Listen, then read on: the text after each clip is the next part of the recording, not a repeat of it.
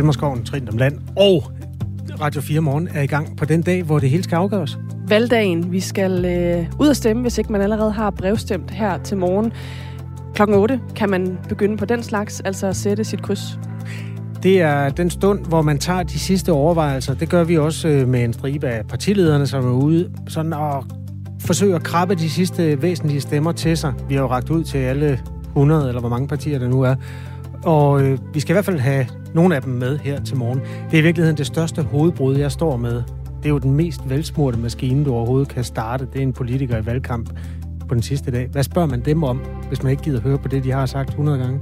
Det vil vi i hvert fald gerne have nogle inputs til. Vi har nogle oh ja. bud, men øh, det kunne jo være, at man også sad derude og faktisk også lige havde et eller andet, man godt lige gad at høre fra dem, inden øh, de ligesom lukker lidt i i en lille periode. Folketingsvalget er jo sådan set slut. På Færøerne, der tager vi op om lidt. Så skal vi også have flæsk. Kan jeg vide, hvorfor man, hvordan det er havnet der i øvrigt med det flæsk, der skal rives op og steges hver eneste gang, der er vand her i landet? Ja, det, øh, jeg skal ikke kunne sige det. Jeg plejer ikke at spise det, så jeg er ikke eksperten her. Nej. Godt. Øh, hatten er skruet dybt ned i panden på Anne Philipsen og Kasper Harbo. Vi er glade for, at du vil være med til øh, Radio 4 morgen den her tirsdag den 1. november. Velkommen til. Godmorgen. Godmorgen. De første kandidater til øh, de fire års folketing er fundet på Færøerne. Der er det nærmest dagen derpå, fordi landet stemte allerede i går til folketingsvalget, og det skyldes, at 1. Øh, november i dag er en national sørgedag for færinger, som er døde på havet. Og derfor lagde man altså folketingsvalget i går, og det øh, faldt ud med en til hver. Lad os gå i dybden med det færøske valg, når nu det danske ikke er klar endnu. Kari Jonsen er politisk journalist og driver det færøske nyhedsbyrå Bureau. Godmorgen. Ja, godmorgen. Kan du ikke starte med at fortælle os lidt om øh, de to færinger, der er i Folketinget nu? Ja, den ene er meget velkendt. Øh, det er Sjøv Skåle, som har valgt inden for Javnerflokken, som er Socialdemokratiets øh, søsterparti. Og han har siddet siden 2011 i Folketinget. Og det var ikke så uventet, at han blev valgt i, i, i går. Han fik øh, Ja, han, det, hans parti blev den næststørste, men alligevel blev han som fik øh, næsten 4.000 stemmer, og fik 3.800 stemmer. Og så kom der, så kom der et helt øh, nyt øh, stjerneskud. Det er en, som hedder Anna Falkenberg. Og hun er, hun, er, øh, hun er helt ukendt som politiker på færgerne, men hans morfar er Edmund Jonsen, som øh, vi er gået af som, øh, som, øh, som folketingsmedlem og har en lang politisk karriere bag sig på, på, på Og hun fik næsten 3.000 stemmer, og hendes parti, Sommerslokken, er Venstres øh, søsterparti. Så det er Socialdemokraterne og Venstre, der øh, får en repræsentant hver øh, på de kanter. Det er jo set før øh, fra færøerne. Det, der er en lille smule nyt, det er, at de valgte en dame, for det er kun anden gang, man har valgt en kvinde på færøerne. Hvordan kan det egentlig være, at ligestillingen er så øh, langt bagud på et ellers øh, velstående ø-samfund? Ja, det er svært at sige. Øh, det er, det er utrolig svært at sige, men det kan, det kan muligvis forklares, at, at partierne ikke har lagt sig efter ligesom at skulle have den her øh, lige fordeling, når man øh, øh opstiller kandidater osv. Men Sommerflokken har virkelig gjort en indsats den her gang og havde mange kvinder på, på listen, og havde også gjort nogle tiltag øh, inden valget, sådan at, at der skulle være ikke bare kun ligestilling for, for, for, for synskyld, men, men, øh, men at der også var indhold, indhold bag. Nu er der i hvert fald ligestilling i fire år med en mand og en kvinde valgt. Ligeledes er der altså ligestilling mellem rød og blå blok i øjeblikket. Der sidder jo også nogle danske politikere og er super spændt på, på den del af det. Er der nogen som helst tvivl om, hvem de peger på, altså med deres øh, søsterskab til henholdsvis Socialdemokraterne i Danmark og Venstre i Danmark? Nej, det, det synes jeg ikke. Så skal der, så skal der ske et eller andet helt usædvanligt, hvor en af, dem, en, af dem, en af dem bliver så sur, at, at, at de ikke stemmer på deres søsterpartier. Men det tror jeg er en meget lille, det er en meget lille chance for. Jeg tror, at, at de kan føle sig trygge i Danmark, at de får en værd. Hvordan øh, har valgkampen egentlig udspillet sig på Færøerne? Her i Danmark har vi diskuteret flygtningemodtagecenter i Rwanda, og vi har diskuteret, øh, hvem der skal have en lille smule lønstigning og sådan noget. Hvordan er det foregået på Færøerne? Jamen, jeg synes, det har været en, øh, en lang valgkamp, fordi at, øh, jeg ved ikke, om man kan sammenligne, at, at uh, interessen er ikke så stor. Den, den, uh, man kan sammenligne det, når danskerne skal stemme til EU-valget. Men uh, det er sådan, at, at øh, færgerne har overtaget mange sagsområder, og, og de folketingsmedlemmer, de er ikke som med i så meget som direkte lovgivning i, i Danmark, når det gælder færgerne. Så det har været sådan en, en lidt svær valgkamp, synes jeg. Men, men et af de emner, som har fyldt meget, det har været sikkerhedspolitik. Selvom færgerne ikke har, ikke har overtaget sikkerhedspolitik, så har det alligevel fyldt meget. Øh, og ser den del, at færgerne gerne vil øh, vide mere om sikkerhedspolitik, eller skal inddrages mere i sikkerhedspolitik.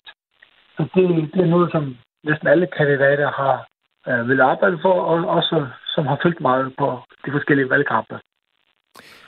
Hvad skal man så lave, når man er valgt til Folketinget for Færøerne? Hvad, hvad bliver dagsordenen for dem, andet end at følge en partilinje? Ja, dagsordenen for dem, det bliver ligesom at være et halvøver øh, mellem Danmark og Færøerne, det bliver nok, nok deres øh, øh, øh første eller øh, ja, deres største opgave. Øh, så, men der er nogle ting, der skal afvikles. For eksempel bedre øh, faciliteter til politiet. Det er noget, som, som begge de nyvalgte, eller begge kandidater vil, vil arbejde for. Og så er det nok også, som, som jeg har været inde på, sikkerhedspolitikken, som, som også ligger langt fremme. Kai Jonsen, øh, tak fordi du vil være med i Radio 4 her til morgen. Ja, det var så lidt. Politisk journalist, som øh, også driver det færøske nyhedsbyrå. Og nyheden er altså lige nu, at der er en rød og en blå, som er på vej øh, med damper nordfra, øh, sådan, øh, når man skal til at tælle øh, op, i hvert fald sådan billedligt talt.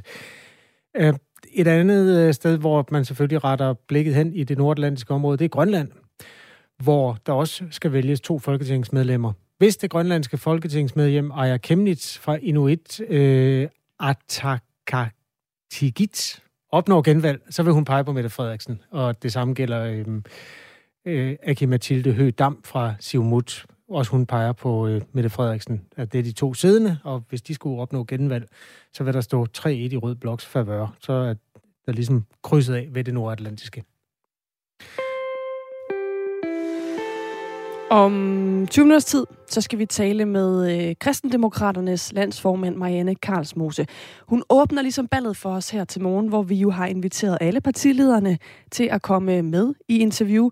Øh, mange af dem har sagt ja, nogle af dem har ikke svaret, og nogle af dem havde ikke tid. Men vi har altså en del af dem her til morgen, og øh, det er jo altid nogle lidt særlige interviews, de der, hvor man skal tale med politikerne på dagen for valget, hvor de jo virkelig sådan øh, skal se, om de kan nå at høste et par sidste stemmer. Vi talte lidt om, inden vi gik i studiet, det her med, hvad egentlig, altså hvad for et spørgsmål gad man egentlig godt at høre svaret på? Sådan et ærligt svar på. Sagen er den, at de tit drejer den ind på deres mærkesager, uanset hvad man spørger om. Det er dygtigt politisk håndværk, men det kan også være dødssygt at høre på, hvis man har hørt deres argumenter et par gange. Og det har man for de fleste politikers vedkommende. Så hvis du har et input til, hvilket spørgsmål en politiker skal have lige på randen af selve valget, så øh, skriv lige til os. Jeg er lidt varm på det spørgsmål, der hedder, kan du huske et eneste tidspunkt, hvor du har vidst, at du vandt en stemme? Altså, de står jo og deler ting ud, og de står og prøver at vinde folks hjerter. Men om man som politiker opdager, hvornår man rent faktisk lykkes med det, det kunne jeg godt tænke mig at spørge øh, først Marianne Karlsmose om, senere Messersmith, Værmund... Øh... Maja Villersen. Ja. Vi kunne blive ved. Hvis du har input, så må du altså virkelig gerne skrive en sms til nummeret 1424. Det er også dagen, hvor du skal tage den store beslutning. Så hvis du har andre overvejelser omkring valget, som du vil dele med os, for eksempel hvor du skal sætte dit kryds, eller hvorfor du sætter dit kryds, hvor du sætter det, så må du gerne skrive til øh, Radio 4 Morgen her hos os. Yes. Klokken er 14 minutter over 6 denne tirsdag. Om et øjeblik, så skal vi tale om øh, den tradition, som en del danskere jo har med aftensmaden når det er valgdag, nemlig valgflæsket. Du spurgte mig før, øh, hvor, hvor stammer det egentlig fra? Altså, mm. hvorfor gør man det? Ja. Jeg synes faktisk ikke, der er sådan et øh, enormt klart svar på det. Det er lidt som om, at det er sådan... Øh, altså, det kommer egentlig fra begrebet valgflæsk, sådan det her med, at politikerne lover noget, de ikke holder. Men det, jeg stusser over, når jeg sådan læser lidt om det, det er, at det faktisk er en ret ny tradition. Altså, det er sådan omkring... Øh, måske sådan inden for 20 år eller sådan noget, at man er begyndt at have det her som sådan en, en mad tradition på valget. Okay. Altså, det er meget nyt, at man spiser valg, valgflæsk. Jeg har aldrig gjort det på selve valgdagen, men jeg synes jo egentlig, at flæsk er en fin øh, sådan nedarvet kulturel ting at kaste sig ud i, når det nu skal være. Altså, og det er billigere end sushi. Der er meget godt at ja. sige om flæsk i den forstand, men du er ikke en flæskepige. Øhm, jeg, mm, det er ikke sådan min yndlings øh, at spise, men det er også lige så meget, fordi jeg bare ikke vokset op med, det var noget, vi rigtig fik på valgaften, så jeg har heller ikke det der sådan nostalgiske. Jeg, jeg kan godt forstå, hvis man er vant til, at det ligesom er smagen af at sidde og følge med i valget, så er det det, man gør. Mm. Man kan altid købe en pose flæskesvær, hvis ikke man orker øh, at starte airfryeren øh, her den 1. november. Der er i hvert fald øh, mange danskere, som kommer til at øh, gøre det på den ene eller den anden måde, det her med at øh, besøge flæsket i løbet af i aften, fordi vi kan se fra øh, fødevarevirksomheden Danish Crown, at man faktisk har oplevet, at der var en markant stigning i salget af flæsk de seneste uger. Faktisk så, så har de kunne se den her stigning lige siden valget blev udskrevet. Og et andet sted, hvor man kan mærke den her øh, efterspørgsel, det er hos købmanden Rema 1000 i EO, hvor du er øh, købmand Allan Steffensen. Godmorgen. Ja, godmorgen. Hvor meget flæsk har du fået solgt indtil videre? Uh, jeg har fået solgt rigtig, rigtig meget flæsk, men øh, jeg tænker, det topper i dag. Hvor, altså, hvor meget er det, hvordan har du kunnet se på øh, udviklingen i flæskesalget, at det er gået opad? Jamen, det er jo en tendens, jeg har bemærket gennem øh, de sidste mange år, at øh, salget af stegeflæsk, det, øh, det stiger op til valg. Det gælder både kommunalvalg, men i særdeleshed øh, folketingsvalget, at øh, de der pakker med stegeflæsk, de bliver revet op af køledisken, så øh, de stiger år for år. Og øh, i år, det, det kommer til at slå alle rekorder. Det tror du, det kan du simpelthen sige allerede nu? Det kan jeg sige med sikkerhed allerede nu. Altså, salget er mange, mange, mange dobbelt i forhold til, hvad, hvad normalt salg er på, på stegeflæsk. Det er lidt det samme, de samme toner, der kommer fra Danish Crown. Her har man oplevet en stigning på 50 procent i salget af flæsk i forhold til det seneste folketingsvalg i 2019. Og hos Danish Crown har man aldrig før solgt så meget flæsk på så kort tid, øh, skriver de i en pressemeddelelse. Og det er altså også noget, du øh, oplever i din øh, Bix Rema 1000 i EO, Allan Steffensen. Øhm, hvor, altså, hvordan forbereder man sig egentlig som købmand til en øh, efterspørgsel som den her? Er det sådan, at du er ude på forhånd, når du ved, nu er valget udskrevet, og sørger for, at du har øh, ekstra at fylde op på i øh, kølediskene? Øh, ja, lige præcis. Altså, nu er det jo ikke den øh, største overraskelse, at der blev udskrevet valg øh, på det her tidspunkt. Så vi var selvfølgelig ude i god tid og sikre os en forhåndsorder ved slagteriet, så vi var 100% sikre på at have masser af varer i de, altså de rigtige mængder til de rigtige priser til netop det her folketingsvalg. Så ja, det, det kræver lidt forberedelse. Det må også være sådan en ting, hvor man tænker, der kunne være lidt mere salg at hente. Hvad, hvad har du gjort for sådan at få folk til at komme og købe det her flæsk? Jamen, øh, det er selvfølgelig lagt frem øh, i øh, linje i butikken, hvor alle kunder går forbi, og så har der købt rigeligt med mængder af frisk persille og en lille lækker kartoffel ind, så øh, danskerne kan få deres nationalret nummer et, nemlig stegt flæsk og persillesovs i aften. Der er jo øh, samtidig med et øh, fokus på stikflæsk, fordi det er valgaften, så er der jo også meget fokus på klima og på bæredygtighed. Det har jo også fyldt en del i valgkampen og har jo sådan set også været noget, vi har talt om i nogle år. Har du sådan overvejet, om der skulle markedsføres et mere sådan bæredygtigt alternativ til flæsk? Altså, jeg ved ikke, om man kan lave sådan noget planteflæsk eller sådan noget? øh, nej, det har jeg overhovedet ikke overvejet. Altså, øh, min opfattelse er helt klart, at øh, danskerne de foretrækker stegt fisk af, af rigtig øh, kød, dansk gris, og øh, jeg, jeg sige, at lægge øh, plantebaserede produkter frem, der skulle øh, erstatte kød. Det ville være, som købmand ville det være selvmål. Altså salget, for det er forsvindende lille i forhold til, hvor meget de fylder. Tror du ikke, der vil være nogen, der alligevel vil tænke, åh, det var faktisk en god idé, så kan jeg få øh, fornemmelsen for det, uden at skulle spise flæsket? Nej, er det har jeg ikke indtryk af. Okay, det er ærlig snak, Allan Steffensen. Tak fordi du var ja. med. Ja, velkommen. Købmand hos Rema 1000 i EO. Og så fortsætter vi videre til Rønninge på Fyn, fordi der skal også serveres valgflæsk i store mængder hos det lokale forsamlingshus i aften. Kasper Meier Pedersen, god aften. godmorgen hedder det så. Godmorgen. Forpagter af Rønninge forsamlingshus. Hvor meget flæsk har I købt ind til øh, i aften? Jamen, vi har bestemt 30 øh, kilo. Og hvor mange øh, personer skal så have glæde af det? Jamen, er mellem 30 og 50. Så det er, har I simpelthen købt et kilo flæsk nærmest per person? Nej, det har vi ikke, men øh, det er tæt på. Hvor meget øh, flæsk er der sådan generelt? Øh, altså, hvor meget spiser man egentlig, når man kommer og for eksempel øh, skal have valgflæsk i det lokale forsamlingshus? Altså, hvad er jeres erfaringer? Hvor meget, øh, sådan, hvad kan man sige, hvor meget gang er, i den er der? Jamen, øh, mellem 7 og 10 stykker per mand er nok ikke helt galt. Vi øh, har talt om her til morgen, hvad traditionen egentlig er med det her. Altså, hvordan er det opstået? Det er jo sådan en ting, vi tit taler om, at øh, så skal der serveres valgflæsk på øh, valgaftenen.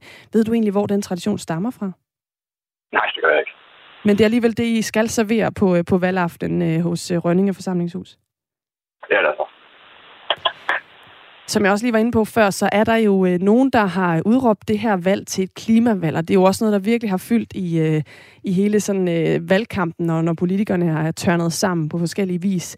Og så er flæsk jo måske ikke den mest klimavenlige ret. Er der egentlig nogen, der har efterspurgt et for eksempel vegetarisk alternativ, hvis de gerne vil være med til jeres øh, arrangement i, i forsamlingshuset, men ikke har lyst til at spise flæsk?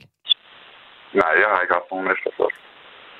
Så du tænker ikke, at de øh, skal i gang med et mere bæredygtigt øh, vegetarisk alternativ? Ikke lige med flæsk. Tak fordi du var med her, Kasper Meier Pedersen, forpagter af Rønninge Forsamlingshus, og altså et af de steder, hvor der er valgflæsk på menuen i dag. Vi tager lige et par reaktioner. Vores lytter Gitte er meget sur og, og tvær over, at øh, nogen foretrækker det her svinekød. Vi er også mange, skriver hun, der foretrækker noget andet knap som miljøpåvirkende og dyreetisk problematisk kost, skriver Gitte, og jeg synes, det er dejligt, at der er en kvindelig vært som dig, Anne Philipsen, der ikke kunne finde på at sætte tænderne i stækflæsk på den her dag. Øh, jeg ved ikke, om der er mere lige i forhold til flæsken. En skriver, at det er øh, en, altså, begrebet valgflæsk stammer tilbage fra slutningen af 1800-tallet. Så der er altså gode muligheder for, at traditionen med at spise det også har eksisteret i mange år. Det man jo ikke kan sige, hvis vi lige skal bevæge os ned i 1800-tallet, det er, at der var godt nok nogle valg dengang, hvor folk var utrolig ligeglade med, at der var valg, og dermed formentlig også færre, der spiste vandflask. Jeg sidder med, og det er Jyllandsposten, der skal have æren, med en oversigt over stemme, eller hvad hedder det, valgdeltagelsen i alle de valg, der har været til Rigsdag og Folketing siden 1849, da grundloven kom til os. Der var et valg i 1855, hvor der deltog 2,5 procent af de stemmeberettigede. Det vil sige en ud af, hvad giver det? Hver, en ud af 40. For hver gang, at du mødte 40 mennesker, så, så er der en, der stemte. Det var ikke mange. Resten var fuldstændig ligeglade. Hvor mange kunne egentlig stemme, ved man det? Uh, man gør, jeg ved det ikke, Nej. men uh, det skal jeg gerne undersøge lidt senere. Stemmedeltagelsen her i Danmark er, eller valgdeltagelsen er jo generelt over 80 procent. Den har sådan i særligt tilspidsede situationer været tæt på 90. Det var den blandt andet under 2. verdenskrig, og også i slutningen af 60'erne, hvor EU-debatten var varm. Sidste folketingsvalg, der var den knap 85 procent, og den er jo et sådan sløvt dalende. Der er altså færre, der deltager i folketingsvalget, end vi har været vant til. Af en eller anden grund er der flere, der vælger det frem. Jeg får lige lyst til at læse en sms fra en, der ved, hvad han vil stemme på. Mm. Det, mhm. det er meget velgørende nu, hvor der er så mange, der er i tvivl. Henrik, han bor i Aarhus og skriver, jeg har stemt på Alternativet af taktiske årsager. Hvis de kommer over spærregrænsen og dermed får minimum fire mandater, ved rød, vil Rød Blok stå stærkere. Så hellere brug en stemme på det end de andre, mere eller mindre røde partier. God valgdag, ønsker Henrik fra Aarhus. Rart at høre fra et menneske, der har gjort sig overvejelser og som har lyst til at dele dem med os den slags vil vi også rigtig gerne høre her til morgen. Det øh, er jo en morgen, hvor der også godt kan sidde nogen og tænke, jeg er ikke sikker endnu. Jeg har lige et par timer, eller måske øh, 10 timer, før jeg skal i stemmeboksen, og jeg aner simpelthen ikke, hvor jeg skal sætte mit kryds. Eller det kan være, at man allerede har øh, sat sit kryds. Det lyder lidt som om Henrik måske har brevstemt, og derved har besluttet øh, definitivt i hvert fald, sådan relativt definitivt, hvor krydset skal sættes. Men den slags vil vi altså også gerne have. Det er jo også det, der fylder sådan en dag som i dag, de her sådan øh, overvejelser, man kan have. Hvor skal jeg gøre mit kryds? En af mine øh, gode bekendte, der hedder Claus, han har taget en kandidattest. Der svarer man jo på sådan en hel masse principielle spørgsmål. Og øh, han har simpelthen fået, jeg får lyst til at række den over til dig, fordi han har fundet ud af, at han er 75 enig med stort set hvem som helst. ja, det kan jeg godt se. Altså, der, han har fået en stribe kandidater, hvor han er mellem 74 og 76 enig med dem. Prøv at læse op, hvor de kommer fra. Enhedslisten, Moderaterne, det er 76 procent. Så er der Dansk Folkeparti og Radikale Venstre. Der er han 75 procent enig. Og det er to partier, der, ja, der minder er, ret meget om hinanden. Der er et stykke vej til dem. Og så øh, Venstre og SF, også ret lang vej imellem. Også 74 procent enig med begge. Meget tyder på, at de her valg, eller hvad hedder de, kandidattest, som flere og flere benytter sig af, det har vi tidligere lavet historie om her i Radio 4 morgen, at de også bliver brugt på en lidt udspekuleret måde af nogle af de kandidater, der er på valg. Fordi øh, det er da utroligt, at man kan placere sig så meget midt imellem dem alle sammen. Ja, men spørgsmålet er jo også, øh, altså jeg har tænkt faktisk på, jeg har taget en del af de der kandidattest også, der er jo også ret lang vej, ikke? Altså det der med, at man er helt uenig, eller uenige, ved ikke. Der er mange kategorier, hvor jeg også nogle gange selv kan tænke, altså hvor ligger grænsen mellem, om jeg er helt enig eller enig? Altså det, det kan godt være svært at vurdere, synes jeg, som vælger i hvert fald, når man tager de der test. Vores lytter mig hjemme øh, kommer fra Senegal, det hun skrev til os. Og selvom jeg har boet, skriver hun, i Danmark i 22 år, har jeg ikke stemmeret til folketingsvalget. Jeg kan heldigvis stemme i hjemlandet. Lav reglerne om, så danskere også kan stemme, skriver Marie hjemme som altså har deltaget ved... Der var faktisk valg i Senegal i juli. Der skulle vælges 165 øh, folketingsmedlemmer eller mm. parlamentsmedlemmer. Og, så fik de en præsident, der hedder Job, så vidt jeg husker. Mariem har nok også reageret på den nyhed, som vores øh, nyhedsvært Asbjørn Møller havde klokken 6 om, at der jo faktisk er en øh, hel del udlandsdanskere, det er jo sådan en anden øh, måde øh, ikke at kunne stemme på, der faktisk ikke har mulighed for at stemme i dag. Altså øh, borgere, danskere, der bor i udlandet, og som af forskellige grunde, forskellige regler, ikke har mulighed for at stemme. Og dem er der jo altså også nogle af, men der er også en del, der har mulighed for at stemme. En af dem er Daniel. Han har skrevet ind til os, jeg er helt på bar bund. Jeg vil enormt gerne stemme på de røde, så klima er i højsædet og velfærd, men deres sans for økonomisk ansvarlighed er svær at få øje på. Jeg synes, de mange hjælpepakker er skadelige for samfundet, så det er et svært valg. Der var jo altså den store afsluttende tv-debat i TV2 i går. DR havde den i forgårs, og på den måde øh, har de fået chance for at sige, hvad de vil. Hvad var dit indtryk af debatten, vil jeg lige spørge dig, Anne, inden jeg læser op, hvad Kasper Dahl, politisk redaktør på Avisen Danmark, synes? Det var, at det var som om, de alle sammen tænkte, hvis ikke jeg siger noget nu, så får jeg aldrig lov at sige noget igen. Hvordan der var, der blev, det? Jeg synes bare, der blev talt meget i munden på hinanden og på verden, og altså, der blev modereret godt, men der var, der var utrolig meget sådan lyd på, synes jeg. Kasper Dahl, som jeg refererede til før, ham kender mange, der hører Radio 4 fra det program, der hedder Det Blå Hjørne, som er fredagens øh, debatprogram fra den blå side af det politiske landskab. Kasper Dahl, han synes, det var en fed øh, debat, og han betoner blandt andet i sin anmeldelse i Avisen Danmark, at øh, der blandt andet blev diskuteret sådan klare reformer. For første gang i en tv-debat blev der diskuteret reformer og arbejdsudbud. Hvordan sikrer vi, at der er nok på arbejdsmarkedet til at løse alle de opgaver, der venter i både den offentlige sektor og det private erhvervsliv? Og der var nogle steder, hvor der faktisk kunne måles nogle forskelle på borgerlige partier og centrum-venstre-partierne. Radikale Venstre lancerede også, øh, eller sådan her i valgkampens 11. time, dukket op med nogle sådan bestræbelser på at markere sig i forhold til at skaffe arbejdskraft. Øh, Kasper Dahl, han betonede jo også i sin anmeldelse, at udlændingedramaet der omkring Rwanda, det bliver rigtig spændende, fordi Mette Frederiksen og Socialdemokraterne vil gerne lave det her flygtningemodtagecenter i det afrikanske land, men i det parlamentariske grundlag, som kan ventes at blive. Hvis nu der bliver rødt flertal, så er man jo afhængig af blandt andet enhedslisten stemmer. Der er det jo kæmpe nej tak. Det er det jo også hos radikale. Og så er der hele den der bryllupssnak mellem øh, Mette Frederiksen og Lars Løkke Rasmussen. Kan det lade sig gøre? Han har været god til at sige måske. Mm. Hun mm. vil gerne. Mm. Der, han svinger lidt begge veje, eller i hvert fald er det det udspil, der ligger, hvor kan man bruge Moderaternes øh, mandater bedst, hvis man får nogen. Og det gør han vist, Lars Løkke Rasmussen. Det var bare en lynanmeldelse, som er taget fra en avis. Lidt senere på morgenen har vi Thomas Larsen med, der er politisk redaktør på vores kanal, som vil give en, øh, sit, sit take på øh, det, der altså var deres sidste chance for at få hævet nogle stemmer hjem.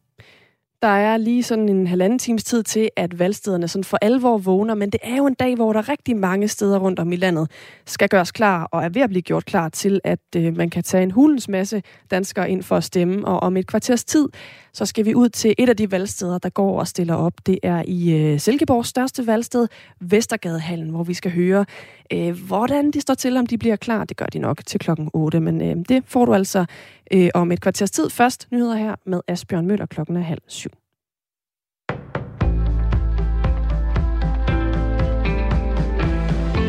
Det vil være en gigantisk fejl, hvis Mette Frederiksen laver en regering hen over midten med partier fra Blå Blok. Det sagde enhedslistens formand Maj Villersen ved valgdebatten i går på TV2. Mette Frederiksen lancerede sit ønske om en bred regering på dagen for valgudskrivelsen, og hun pointerer i debatten, at valgkampen kun har bestyrket hende i sit ønske. Men det er altså ikke noget, Maj Villersen ønsker. Mette Frederiksen, du begår en gigantisk fejl. Du vil lukke Blå Blok, højrefløjen, ind til regeringsbordet og give dem vetoretten over klimapolitikken. Give dem lov til at vælge skattelettelse over velfærd. Det er en gigantisk brøler for klimaet, for den grønne omstilling, som det har været venstrefløjen, der har sikret, at vi fik i det her land. Sagde hun altså ved valgdebatten på TV2. Færøerne giver et mandat til hver blok. Det står klart efter, at alle stemmerne er talt op på Færøerne. Begge de færøske partier bevarer deres mandater i det danske folketing efter valget, hvilket betyder et mandat til hver blok i Folketinget. De to partier er henholdsvis Søsterparti til Venstre og Socialdemokratiet. Færingerne gik allerede i går til valgurnerne for at vælge de to færøske repræsentanter, fordi den 1. november er sørgedag i landet, hvor man mindes dem, som er døde til søs. Op mod 14 personer er såret i en skudepisode i Chicago i USA under Halloween. Det oplyser politiet i byen ifølge den amerikanske tv-station NBC News. Der er endnu ingen oplysninger om omfanget eller alvorligheden af deres skader. Det står heller ikke klart, om der er identificeret en mistænkt gerningsperson, eller om politiet har en eller flere gerningspersoner i sin varetægt. Ifølge brandvæsenet i byen blev mindst 10 ambulancer sendt til området, efter at der blev rapporteret om skud, det skriver den amerikanske tv-station ABC. Episoden efterforskes fortsat, lyder det fra ABC. Borgere og virksomheder kan få indefrosset deres ekstra regning til el og gas, så man kan vente med at betale regningen til et senere tidspunkt. Det skriver Erhvervsministeriet i en pressemeddelelse. Indefrysningsordningen har afventet en godkendelse fra Europakommissionen, og den godkendelse kom så i går, og dermed kan ordningen træde i kraft som planlagt fra i dag. Et bredt flertal i Folketinget indgik i september måned en aftale om vinterhjælp. Den skal give husholdninger og virksomheder mulighed for at udskyde en del af deres voksende el- og gasregninger. Hvis man vælger at indefryse sine energiregninger, så skal man afdrage lånet til energivirksomheden over en årrække og det vil kun være muligt at indfryse den del af regningen, som overskrider et niveau, der svarer til den pris, man betalte for, øh, man betalte for samme mængde energi i fjerde kvartal sidste år.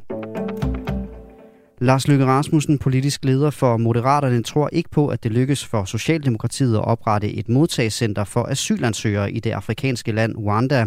Men sker det, så vil det den negative omtale fra verden være stor, det sagde Lars Løkke Rasmussen under den sidste partilederdebat på TV2 i går. Han kalder Rwanda-projektet for symbolpolitikens overmand, og i stedet for et dansk besluttet modtagscenter i Rwanda eller et andet tredje land, så mener Lykke, at det skal ske i fællesskab med EU.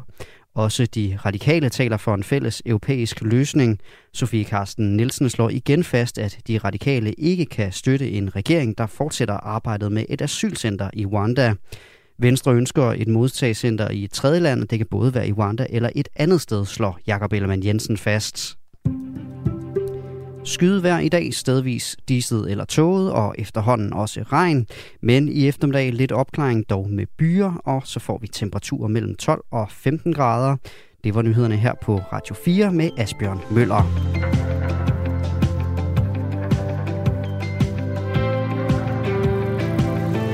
Gud, var det spændende. Der er lige kommet en meningsmåling, der ja. siger, at vi aner ikke, hvem der vinder valget.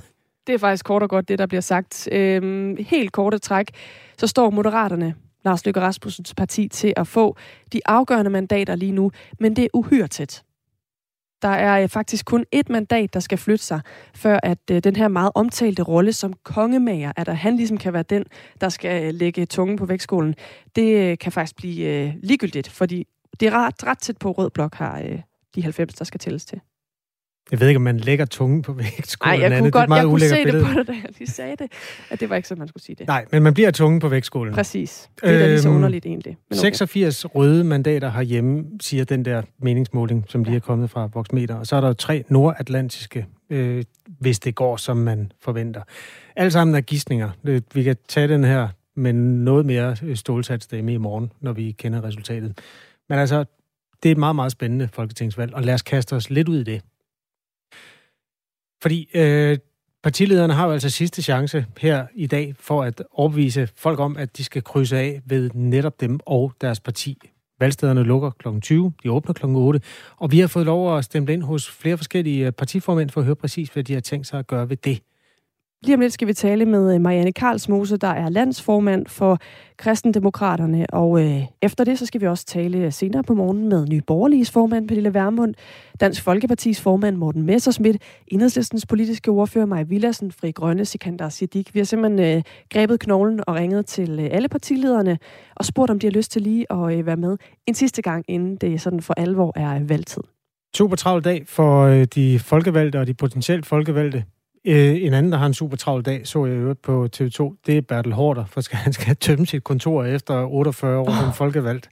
Er du vej, hvor var der meget papir derinde. Men øh, han er jo stærkere i god form, så han klarer den vel, inden det skal overtages af en eller anden ny.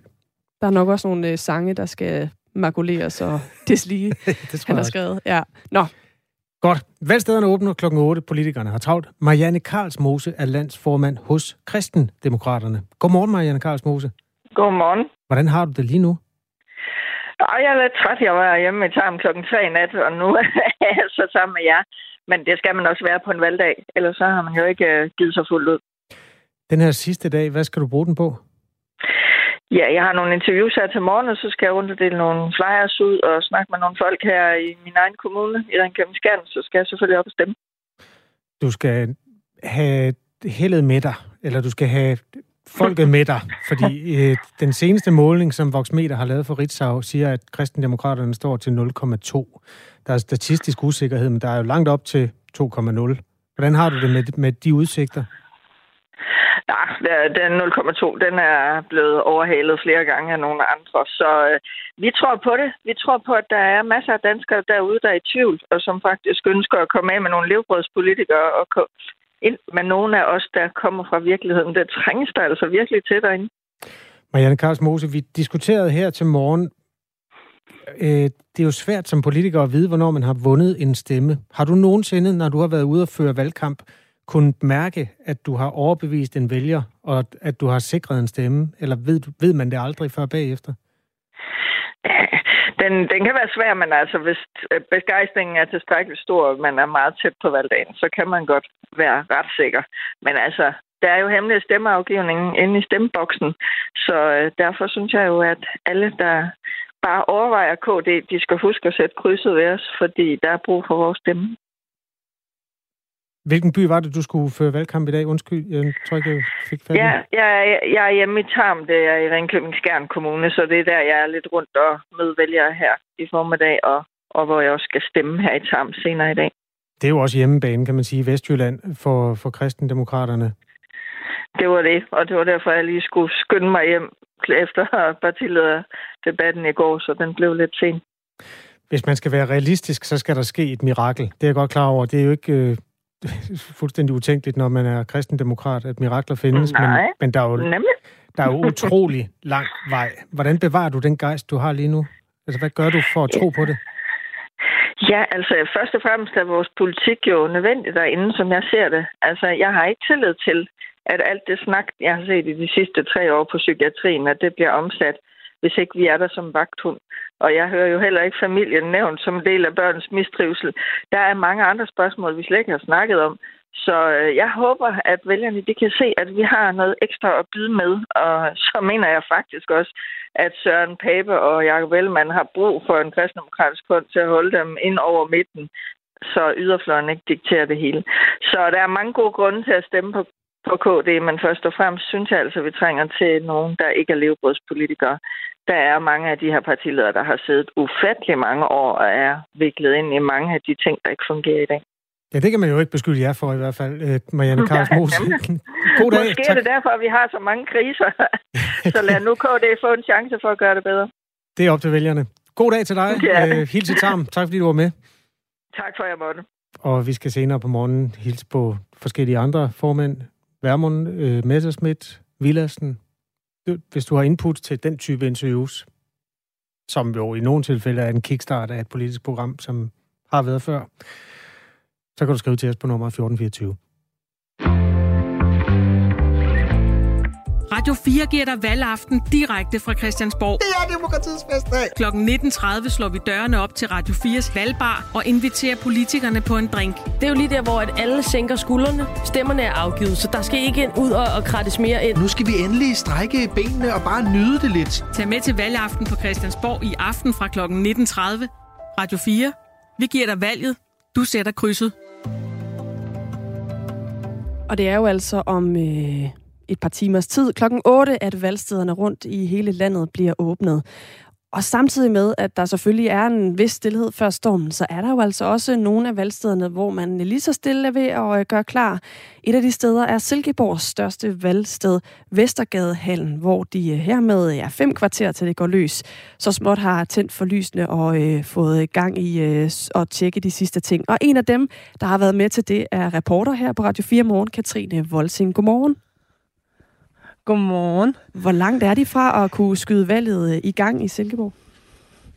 Jeg synes, det ser godt ud. Altså lyset er tændt, det er en god start. Øh, jeg kan se, at øh, alle de her forhæng til stemmeboksene er trukket fra, så de er klar til bare at blive indtaget. Og så har jeg lige været med til at løfte nogle af de her stemmesedler ind, der er sådan bunter på 500. De vejer relativt meget, så de er også ved at blive lagt klar til at skulle tælles op, fordi de skal lige, man skal lige tjekke, at der faktisk er 500 stemmesedler i de her små bundt. Så, øh, så der er rimelig godt gang i den, og en af dem, som er godt i gang, det er Jørgen Svane, som er valgsekretær. Det betyder altså, at han styrer selve valget her i Hallen. Jørgen, altså, der er fem kvarter til, at det går løs. Hvad, hvad skal der ske de sidste fem kvarter? Ja, for det første, så skal vi have det EDB-mæssigt op at stå. Det vil sige, at vi styrer valget via IT, og det er sådan et lukket system, vi har, så vi kan ikke få indbrud udefra i det. Øh, og det er simpelthen for, at vi hurtigt kan få borgerne igennem og få stemt øh, og puttet stemmecellerne i øh, stemmeurnen. Så det er sådan nogle rent tekniske ting, der skal, der skal være styr på. Ja. Altså, hvor mange regner I med? Altså, det er jo en virkelig stor hal, og der er 1, 2, 3, 4, 5, 6, 7, 8, 9, 10, 11, 12, 13, 14, 15, 16, 17, 18, 19, 20, hvad? 22 stemme, Ja. Øh, hvor mange regner I med kommer forbi her i dag? Ja, altså vi regner med, hvis det går rigtig godt, og det håber vi på, at der kommer rigtig mange ud af stemme i dag, mellem 6.000 og 6.500. Vi har i alt 8.200, der kan stemme her, og 640 af dem har allerede brevstemt, så de kommer ikke i dag. Og hvad, hvor ender vi så på sådan stemme procent-wise? Jamen, vi håber på, at vi kommer tæt på 90. Sidste gang i 2019, der lå vi på 4,85 procent, så vi håber på, at vi lige løfter det en gang. Det er spændende, om det kommer til at ske. Altså nu, sådan en som mig har først lige opdaget, at jeg har modtaget et valgkort. Hvad hvis man øh, har alligevel fået forlagt det? Det kunne faktisk også godt ske for mig. Kan man så stadig godt komme herned og stemme i dag? Ja, det kan man. Men hvis man ikke er klar over, hvor man skal stemme, så skal man henvende sig til borgerservice i den kommune, man bor i, og ringe til dem. Og så får man oplyser man CPR-nummer til den, og så fortæller de, at du skal tage til den hal. Og hvis nu forestiller os, at det er Vestergadehallen, så kommer man bare herud. Man skal have noget ID med. Det kan være kørekort, pas eller sygesikringsbevis. Kommer ind til mig og siger, at jeg har ikke fået et valgkort, eller jeg har tabt det, eller hvad det nu er. Og så udsteder jeg et øh, nyt valgkort, og så kan de få lov til at stemme her. Og hvis man nu, øh, som mig, så har været lidt distræt på vejen, og faktisk har glemt sit, øh, ja, sit sygesikringsbevis eller identifikation af en eller anden art, kan man så stadig få lov til at øh, gå i stemmeboksen? Øh, det kan du desværre ikke. Altså, vi er nødt til at sikre os, at øh, det er dig, der er her. Men Øh, vi plejer at kan finde ud af det. Jeg har aldrig været ude for endnu, at der ikke er nogen, der har en form for ID med, eller de har en, øh, en øh, ægtefælle med, som kan sige, det er altså den her person, og så, så kan det gå. Skal, vil du så ikke lige, Jørgen, tage mig med igennem her? Fordi jeg, jeg ankommer hernede, så siger jeg mit navn og hvem jeg er, viser min stemmeseddel, som jeg har husket, og ellers får jeg en ny, mm. øhm, og, og jeg viser noget identifikation, ikke også? Ja og, og hvor går vi så hen? Jamen først så taster vi jo øh, de data ind i min PC, og så kan jeg se, at du har ikke afgivet din stemme. Det kunne jo godt være, at du havde været her og prøvet at se, om jeg kan stemme en gang mere. Det går ikke, fordi jeg kan se, hvornår du har været her. Øh, hvis det ikke er tilfældet, så udskriver vi valgkortet, og så går man hen øh, til øh, de frivillige, som jeg har her. Så scanner vi øh, valgkortet ind øh, via vores øh, scanner i PC. der står sådan en lille biber her. Den... Ja, og så bliver du spurgt til din fødselsdato, og hvis det så matcher, så trykker vi OK, og så får du udleveret en stemmeseddel og så bevæger vi os herfra, og så over i stemmeboksen. Og hvis jeg nu, nu går vi så ind bag forhæng her, og der skal man jo huske, man må faktisk kun være alene, men nu går vi ind to. Kom med, Jørgen. Ja. Så lukker vi lige, ja. og, øh, og der ligger en lille rød øh, blyant, ja. og øh, jeg må kun sætte et kryds på ja. stemmesedlen, står der herinde. Hvis jeg nu alligevel står herinde og, pff, du ved, fumler lidt, altså kan jeg så kalde, Jørgen, Jørgen, kom og hjælp? Kan det kan du, eller en af mine frivillige. Det er jo sådan, at øh, hvis man har brug for hjælp, så kan man øh, også øh, blive vejledt også. Det eneste, vi ikke hjælper med, det er, øh, hvilket parti eller hvilken person, at du skal stemme på. Det må vi ikke. Men øh, vi er altid øh, to med ene, eller hvis man har en pårørende, der går med, så må den pårørende også godt gå med ind. Så har vi bare en frivillig, som er med ind og tjekke op på, at du ikke bliver påvirket til at sætte dit kryds øh, et andet sted end der, hvor du gerne vil. Okay, så ingen hjælp til øh, politisk ståsted? Nej, det må vi bestemt ikke. Men I... der er en anden ting også. Det er, det kan vi jo ikke se her, men øh, der er mange, der spørger til, hvorfor er blyanten rød? Og det er den, fordi at øh, selve stemmestelen den er hvid, og så er den øh, trykt med sort. Og for at øh, der er en kontrast, så har man valgt den røde farve, og den går igen i alle landskommuner. Så det er de blå partier måske lidt kede af, men det er der ikke noget at gøre ved? Nej, så må de lave om på det. Der, der har ikke nogen øh, politisk øh, mening med den røde kugle. Jørgen, altså øhm, hvad skal der til for, at, at du får en god dag i dag? Ja, masser af glade mennesker, øh, og øh, nogle frivillige, der har smil på og øh, hjælper godt til. Og øh, så kan man sige, at øh, IT'en den skal virke, ellers så går vi over i manuel valg. Så bliver jeg lidt presset, men øh, det har jeg heldigvis ikke været ude for endnu, og det sker heller ikke i dag. Katrine Volsing var ude i virkeligheden, og virkeligheden er jo også der, hvor de mange mennesker, der hører Radio 4 morgen, befinder sig og lige nu gør sig tanker om, hvor krydset skal slås. Ea fra Gentofte har taget en kandidattest og skriver til os. Den endte på Moderaterne. Så det bliver den lykkelige Lars igen. Han er god til at gå ind i kampen og tage beslutninger og få ryddet op. Det kan jeg lide. Man kan jo lave mad i et rodet køkken, skriver Ea. Der er en anden, der har skrevet, jeg fatter ikke, at man kan stemme på Moderaterne, når man ikke ved, hvad fagregering han peger på. Jeg har længe vidst, at jeg ville stemme på øh, Liberal Alliance, personligt på Kim Bjørnstrup, øh, som har boet i Schweiz og mange år drevet en international virksomhed, skriver Jakob og fortsætter. For mig er det to gode erfaringer at tage med ind i Folketinget. Jeg deler generelt mange synspunkter med ham og Liberal Alliance. Tre kandidattest viser 85-90 enighed med LA, som for mig efterhånden er det eneste sted at sætte sin stemme, hvis man mener liberalisme alvorligt. Ha' et fantastisk valg, skriver Jakob den gamle lærer skriver, jeg stemmer på Socialdemokraterne, fordi de andre statsministerkandidater ikke har format til at føre Danmark gennem de næste fire års usikre tider og udfordringer. Mette Frederiksen har en sikker hånd på rettet. Tak fordi I vil lukke os ind i jeres overvejelser. Det er jo, en, altså, jo, politik er rituelt og kedeligt, men det er også, også bare det maskinrum, hvor man skal finde ud af, hvilken slags menneske er jeg, hvilken slags verden synes jeg, der skal være, så på den måde er det super givende at høre nogle af de tanker. Du er meget velkommen til at skrive til os på nummeret 1424 med en sms. Lige nu er klokken 12 minutter i syv.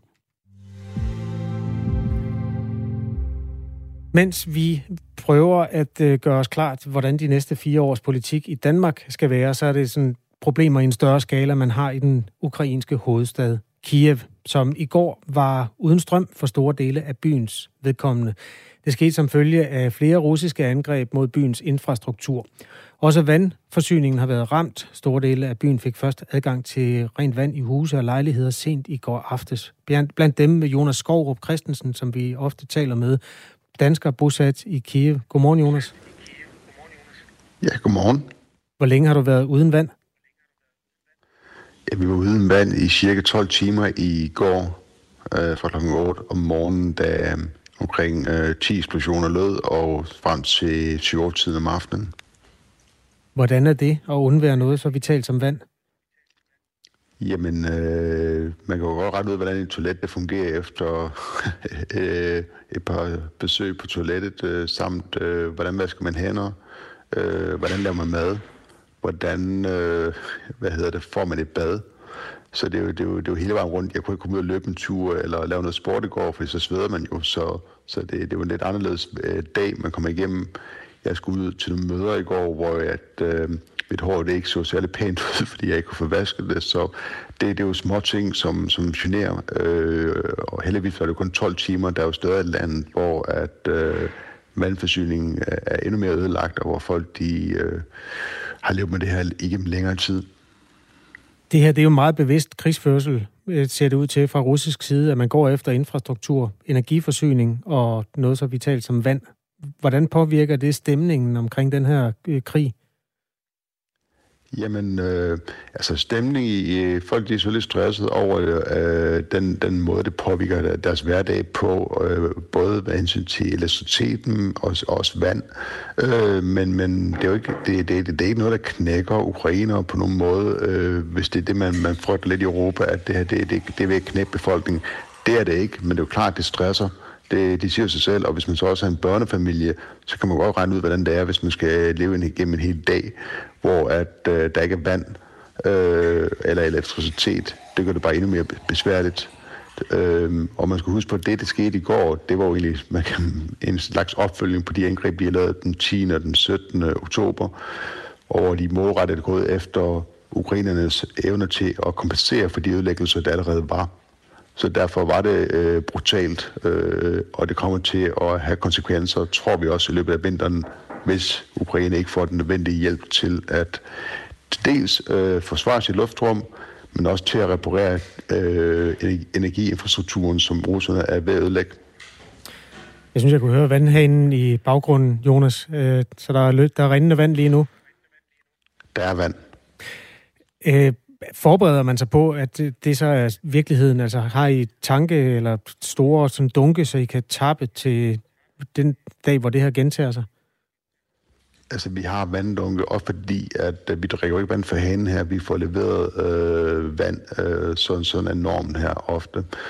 Øh, og de tomme øh, dunke, vi har stående, dem fylder vi op med vand, så vi, øh, hvis det her sker igen, kan kompensere for det. Øh, så, så vi, vi, vi regner med, at vi skal nok klare den. Øh, jeg tror, det er, som mange er bekymrede for, at vi skal nok kunne leve med ekstra antal timer uden elektricitet hver dag. Øh, vi skal nok også overleve endnu en dag øh, uden vand, øh, selvom det bliver træt til længden. Men jeg tror også, mange af de, de er bange for, øh, hvad er det, vi står overfor i, altså i form af øh, opvarmning af folks hjem. Øh, det bliver ret koldt snart. Øh, temperaturerne de er på vej i retning af nulpunktet øh, i den her måned og vi kan have et temperatur også i Kiev i, ned i retning af minus 20 i visse perioder af vinteren. Så det, det, det, det bliver ikke en sjov vinter for ret mange, heller ikke i Kiev. Fat mod. Tak fordi du var med, Jonas Skov Christensen. Vi er glade for, at vi må ringe til dig en gang imellem. Dansker bosat altså i Ukraines hovedstad Kiev, hvor cirka 80 procent øh, byens indbyggere i går manglede vand, og næsten en kvart million husstande var også uden strøm. Her til morgen øh, siger borgmesteren i Kiev, Vitali Klitschko, at øh, metroen vil køre lidt mindre, end den plejer, og sporvogne og busser, som kører på el, vil blive erstattet af benzindrevne transportmidler. Et kig ud i verden på en dag, hvor vi i den grad også kigger meget indad på danske forhold, fordi det jo er valgdag, og det skal vi vende os mod nu. For de seneste 15 år, der er der 500 øh, valgsteder, der er forsvundet. Og ved det her valg, der er også kommuner, der har lukket små valgsteder. Det er noget, som Jyllandsposten skriver om i dag. Ved det her valg i dag, der er der 1350 valgsteder. Og det er 37 færre end ved det seneste folketingsvalg tilbage i 2019. Roar Buk er valgforsker og forskningslektor ved Danmarks Medie- og Journalisthøjskole og med os nu. Godmorgen. Godmorgen. Hvorfor lukker de her valgsteder? Jamen, det er primært øh, sparehensyn, øh, at man kan spare en lille bitte smule penge ved at lukke, de, lukke et valgsted. Øh, også især fordi der i den her periode, over de sidste i virkeligheden 25 år, hvor den her tilbagegang er sket, øh, er sket en digitalisering af valgene. Altså ikke på den måde, at vi sætter kryds på en skærm eller noget af den stil, men, men der er inde bagved i, øh, i valgsystemet, er der kommet en masse øh, digitale elementer, øh, og det er billigere at øh, lave det på færre valgsteder. Så det er primært for at spare en smule penge. Nu siger du en smule. Hvor mange penge er der at spare ved at lukke et valgsted? Jamen altså, når man kigger på de enkelte kommuners øh, spareforslag på det her område, så er det nogle ganske få 100.000 kroner, man sparer øh, i hver enkelt kommune. Så, så det er vidderligt et, et beløb, der er næsten så, så, så småt, så man ikke kan se det i den øh, store kommunale økonomi. Har det nogen betydning for vores valg og demokrati, at der bliver færre valgsteder? Ja, det har det desværre nok. Øh, i virkeligheden på to måder. Altså en, en måde, vi kan se meget kontant ved, at vi har set en eksplosion i antallet af brevstemmer. Øhm, og det hænger ikke kun sammen med de færre valgsteder, men også fordi kommunerne har gjort mere for at øh, få øh, altså at gøre reklame for muligheden for at brevstemme øh, med kampagner og så videre for at få valgdeltagelsen op.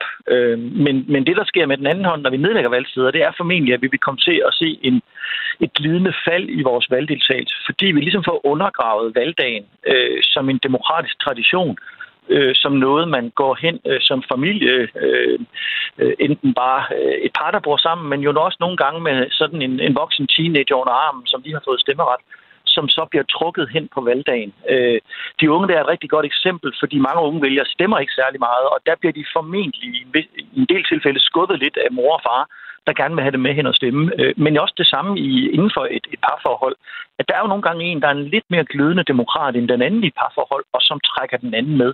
Og det forsvinder jo, hvis, øh, hvis den ene part siger, jeg har brevstemt, så du bliver nødt til at gå derhen øh, alene. Øh, så, så vi får undergravet den demokratiske tradition, vi får fjernet det der lette øh, pres, der er fra ens omgivelser i forhold til at gå hen og stemme. Og det tror jeg desværre på lang sigt kommer til at betyde, at vi får en valgte, øh, faldende valgdeltagelse. Og så en, en lille øh, yderligere finesse i det her. Når folk går hen og brevstemmer, så bliver der begået langt flere fejl.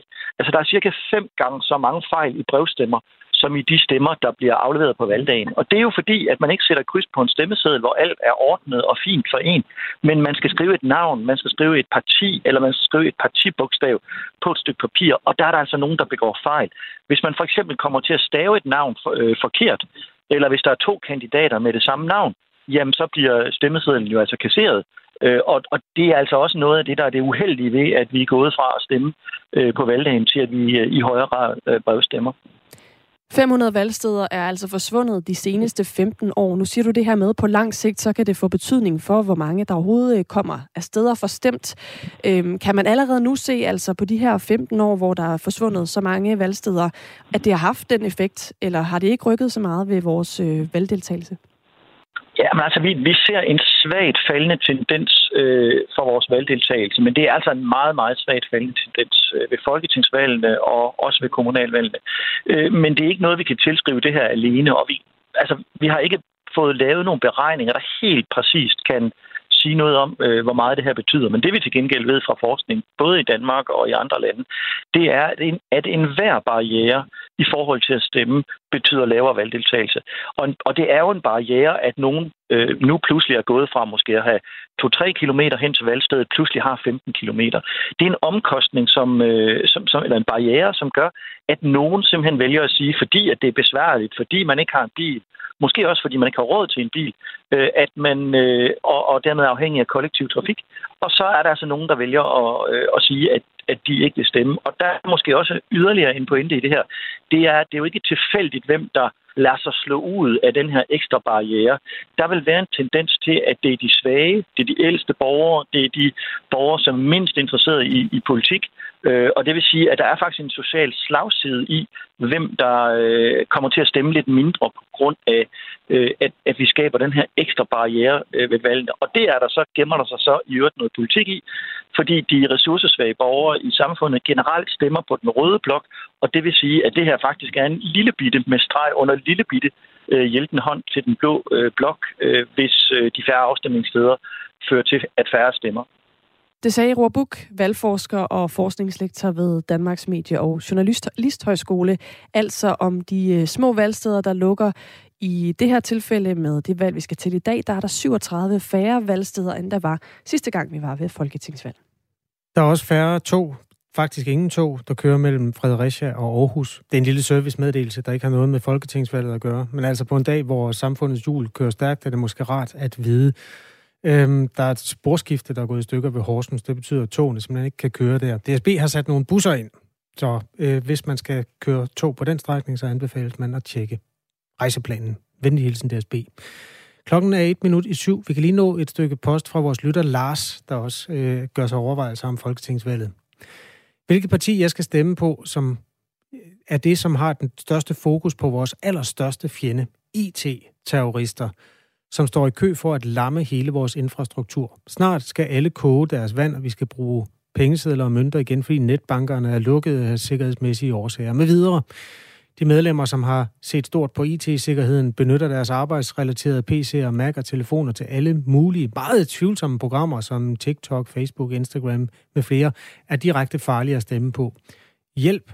Ingen politikere tager truslen alvorligt lyder det fortvivlet fra Lars, der har taget sin telefon frem og skrevet en sms ind til nummer 1424. Tak for post.